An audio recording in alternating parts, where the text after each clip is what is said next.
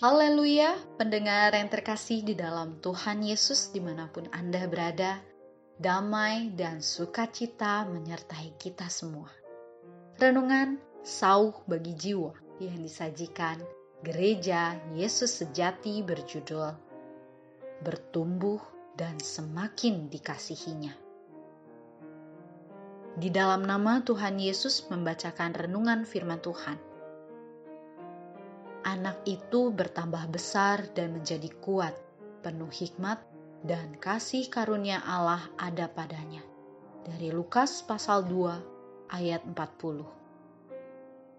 Ketika Tuhan Yesus berumur 12 tahun, Injil Lukas mencatatkan bahwa ia bertambah besar, yang artinya secara fisik ia bertambah tinggi dan secara rohani ia semakin bijaksana penulis Injil Lukas menjelaskan, dan Yesus makin bertambah besar dan bertambah hikmatnya dan besarnya, dan makin dikasihi oleh Allah dan manusia. Dalam Lukas pasal 2 ayat 52. Dengan kata lain, semakin bertumbuh usianya, Yesus semakin bertambah hikmatnya dan semakin dikasihi Allah dan manusia. Bagaimana dengan kita pada hari ini? Secara fisik tentu kita akan bertambah tua. Namun, bagaimana dengan jati diri kita? Apakah ia juga semakin bertambah hikmatnya? Secara rohani, saat seseorang bertumbuh dewasa, maka ia akan penuh dengan hikmat. Ia akan mengerti kehendak Tuhan dan mengetahui apa yang Tuhan inginkan dalam kehidupannya. Hikmat akan bertumbuh seiring dengan semakin dewasanya seseorang. Ketika seseorang dipenuhi oleh hikmat Allah, ia akan melakukan kehendaknya dan ia akan dikasihi oleh Allah. Inilah yang ingin kita kejar, sehingga kita dapat menjadi anak yang dikasihinya, sehingga karunia Allah berada di atas kita dan tidak ada lagi ketakutan maupun kekhawatiran dalam perjalanan iman. Namun, dipenuhi oleh hikmat Allah dan karunia-Nya, bukan berarti hidup kita bebas dari penderitaan dan kesusahan.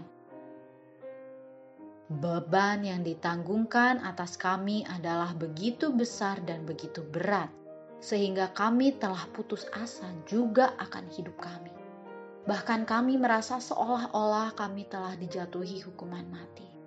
Tetapi hal itu terjadi supaya kami jangan menaruh kepercayaan pada diri kami sendiri, tetapi hanya kepada Allah yang membangkitkan orang-orang mati.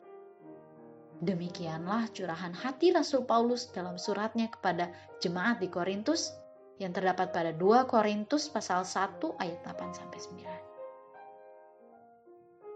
Dalam pelayanannya, sering kali Rasul Paulus hampir mati beberapa kali. Saat sedang menuliskan surat Filipi di dalam penjara, ia pun berpikir bahwa ia akan segera mati.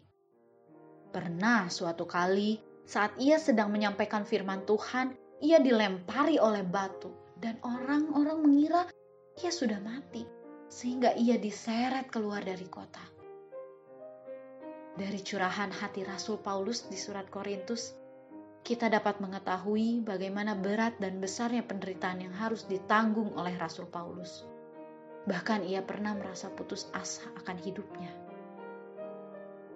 Meskipun seolah-olah ia merasa bahwa ia telah dijatuhi hukuman mati, Tuhan masih memelihara hidupnya.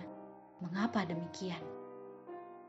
Sebab masih banyak pekerjaan Tuhan yang harus dilakukan sehingga Tuhan meluputkan ancaman tersebut. Meskipun Tuhan menjaga hidup kita, tentu saja kita tidak boleh mencobai Tuhan dan tetap harus menjaga serta memelihara kesehatan diri kita. Namun, perlu kita camkan bahwa Tuhanlah yang memegang dan menentukan masa hidup kita. Jika Tuhan belum berkehendak untuk memanggil kita pulang, maka sakit penyakit, kecelakaan, ataupun bencana lainnya akan dapat dilewati. Sebab Tuhan masih berkehendak untuk kita melayaninya dan melakukan berbagai macam pekerjaannya. Meskipun usia fisik menua, rambut hitam menjadi putih, kekuatan fisik mulai menurun,